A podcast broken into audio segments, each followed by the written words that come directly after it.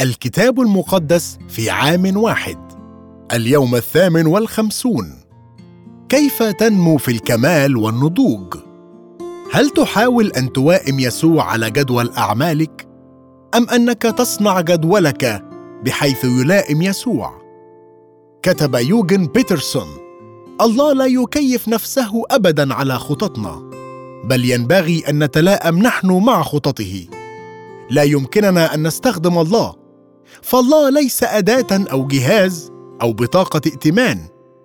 قدوس هي الكلمة التي تفصل الله عن محاولاتنا لإدراجه ضمن أوهام تحقيق أمانينا أو مخططاتنا عن المدينة الفاضلة لكي نضع بصماتنا في العالم. قدوس تعني أن الله حي بناء على شروطه ومفاهيمه هو حي بطريقة تفوق وتتخطى خبرتنا وكل تخيلنا تشير كلمة قدوس إلى حياة مشتعلة بنقاوة بالغة تغير كل شيء تلمسه ليكون مثلها. ربما كانت كلمة قدوس قادوش بالعبرية في الأصل تعني منفصل أو منفصل عن وقد صارت تستخدم لتصف غيرية الله وكونه ليس جزءا من الكون. وكيف أن شخصيته وطبيعته أعظم بكثير جدا وأروع بما لا يقاس من أي شخص أو أي شيء آخر. بالنسبة لشيء آخر أن يكون مقدس فهي تعني ببساطة أن يكون هذا الشيء مخصص لله. أنت مقدس بالدرجة التي تكون حياتك فيها مخصصة ومكرسة له وبالقدر الذي تعكس به تصرفاتك شخصيته وصفاته. ترتبط القداسه والكمال ببعضهما ارتباطا وثيقا وعليه فالله يريد حياتك بالكامل. اعبد الرب في جمال القداسه كيف تحيا حياة بلا خوف؟ كان لدى داود أسباب كثيرة ليكون خائفا. فقد كان محاطا بالمخربين والإرهابيين وأيضا المجرمين. لكنه قال الرب نوري وخلاصي ممن أخاف. الرب حصن حياتي ممن أرتعب. أنا هادئ كالطفل. أنا متماسك وكل شيء على ما يرام. كيف يمكنك أن تكون واثقا في وجه المقاومة والهجوم؟ كانت بؤرة حياته هي العبادة. فقد ركز على شيء واحد. هذه كانت أولويته القصوى. لا تحاول أن توائم الله على خططك. ضع خططك حول أولوية العبادة. يقدم داود وصفا رائعا للعبادة. ما يريد أن يفعله أكثر من أي شيء آخر هو أن أنظر إلى جمال الرب وأتفرس في هيكله. هناك سوف أذبح في خيمته ذبائح الهتاف. أغني وأرنم للرب. أحب تعبير جمال الرب. الكلمة اليونانية المترجمة جمال هي كالوس وهي المستخدمة لوصف كل شيء فعله يسوع. وصف ديستوفسكي يسوع قائلا أنه جميل بصورة لا نهائية. لم يكن لدى يسوع جمال خارجي بل كان عنده نوع مختلف من الجمال جمال القداسة. ونحن إذ نطلب الرب ونحدق في جمال الرب في العبادة يرفعنا هو فوق كل تشتيت. ومخاوف وتجارب. وكما قالها داود هذا هو المكان الوحيد الهادئ والآمن في العالم الصاخب. يقيمني الله رافعا رأسي وكتفي فوق أولئك الذين يحاولون أن يجذبوني لأسفل. يا رب شيئا واحدا إياه ألتمس. أن أسكن في بيتك كل أيام حياتي لأتفرس في جمالك. اخدم الرب في حياة القداسة.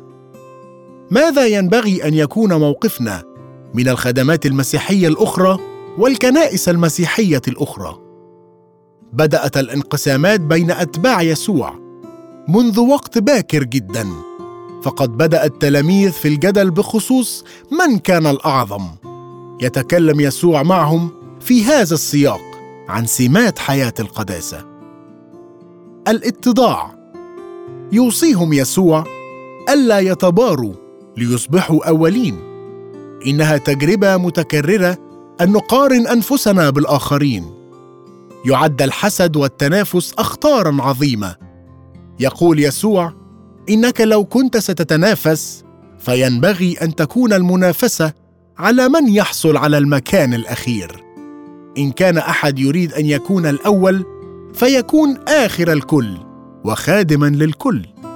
القاده مدعوون للخدمة المتضعة. المحبة. فأخذ ولدا وأقامه في وسطهم ثم احتضنه وقال لهم من قبل واحدا من أولاد مثل هذا باسمي يقبلني ومن قبلني فليس يقبلني أنا بل الذي أرسلني. أحب ورحب بكل واحد. حتى أولئك الذين لا يقدرون أن يصنعوا أي شيء لك. الصغار جدا والضعفاء المساكين. وبفعلك هذا أنت تحب وترحب بيسوع. التسامح. يخبر يسوع التلاميذ الا يرفضوا أو يدينوا الآخرين الذين يفعلون اشياء باسم يسوع. فقط لكونهم ليسوا من مجموعتهم. أو أنهم يقومون بالأشياء بطريقة مختلفة عن طريقتكم. من الخطأ أن ترفض المسيحيين الآخرين أو الطوائف الأخرى أو المؤسسات الأخرى لأنهم ليسوا يتبعوننا. الانضباط والتلمذة. أحيانا نتساهل مع الخطية في حياتنا ولكن لا نتساهل مع خطية الآخرين. يعلمنا يسوع أن نكون متسامحين تجاه الآخرين. ولكن غير متساهلين بخصوص الخطية في حياتنا. طبعا لا يتكلم يسوع عن البتر الحرفي بل يستخدم لغة رمزية بشأن ما نفعل بيدنا والأماكن التي نذهب إليها بأقدامنا وإلى ماذا ننظر بعيوننا. كن منضبطا لا تقبل بالمساومات ولا الحلول الوسطى. كن جذريا متطرفا. بخصوص الخطية. فالخطية في الغالب هي التي تؤدي للانقسام. يدعونا يسوع أن نكون بلا هوادة أو مهادنة بشأن أن نعيش حياة القداسة. السلام. يخبرهم يسوع ألا يتجادلوا بل أن يكونوا مسالمين. اشتاق يسوع بخصوص تلاميذه أن يتوافقوا الواحد مع الآخر ويتوقفوا عن الجدل. وسالموا بعضكم بعضا. وقد صلى فيما بعد لكي نكون واحدا لكي ما يؤمن العالم. الأمانة والإخلاص.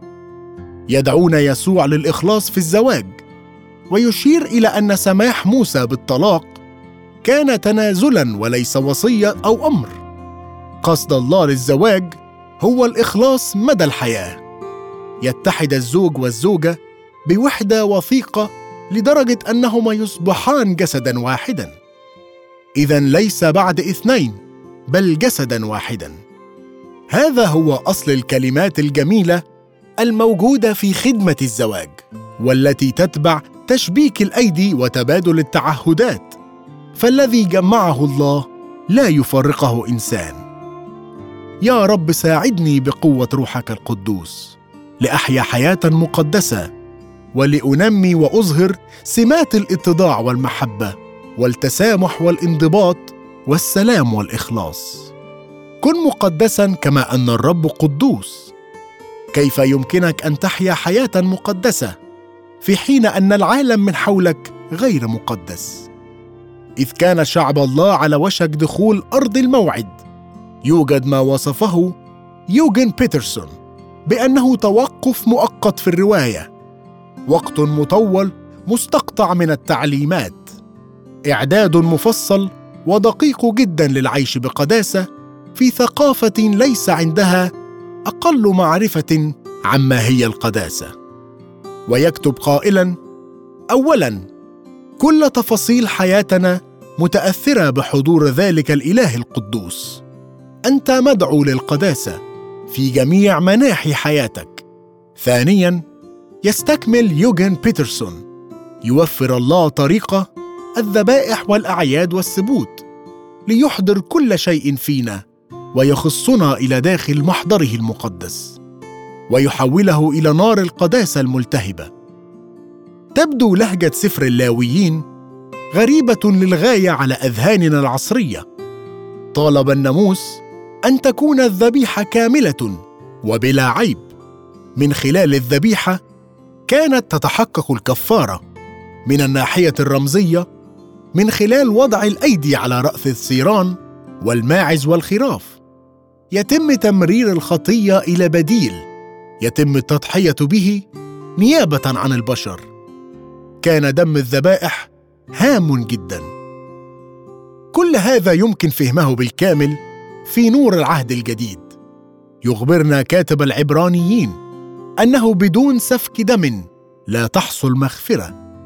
ويخبرنا أن الناموس هو مثال بتعبير آخر هذا مجرد ظل مسبق وصورة لشيء أعظم وأروع بكثير. ويكتب لأن الناموس إذ له ظل الخيرات العتيدة لا نفس صورة الأشياء لأنه لا يمكن أن دم ثيران وتيوس يرفع خطايا. كل هذا كان يؤدي إلى تقديم جسد يسوع المسيح مرة واحدة لأنه بقربان واحد قد أكمل إلى الأبد المقدسين. إننا ننال الغفران التام وإنما حيث تكون مغفرة لهذه لا يكون بعد قربان عن الخطية. وهكذا يخبرنا العهد الجديد أنه لم تعد ولا واحدة من هذه الذبائح ضرورية. لكن تشكل هذه الذبائح خلفية ذبيحة يسوع وتساعدنا تماما لنفهم كم أنها رائعة. تبدأ القداسة بأن تضع إيمانك فيما فعله يسوع لأجلك وبطلبك من روحه القدوس أن يأتي لحياتك ليجعلك تحيا حياة مقدسة. وعرفانا بكل ما فعله الله لأجلك ومن خلال ذبيحة يسوع نيابة عنك. قدم جسدك. ذبيحة حية مقدسة مرضية عند الله عبادتكم العقلية. يا رب وأنا ممتلئ بالشكر والتسبيح لك.